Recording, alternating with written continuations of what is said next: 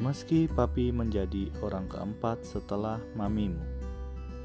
Anakku Zaina, meski papi menjadi orang keempat setelah mamimu, mamimu, dan mamimu, namun aku rela tulang belakangku patah dan bengkok demi kamu. Aku memang tidak pernah melahirkanmu, tapi suarakulah yang mengantarkan kalimat tauhid di telingamu saat kamu lahir. Tangisanku mungkin tak pernah kamu dengar, karena aku harus terlihat kuat agar kamu tidak ragu berlindung dan mengandalkanku. Papi hanya ingin Zaina tahu bahwa besar cintaku sama besarnya dengan cinta mamimu. Selamat ulang tahun, anakku sayang.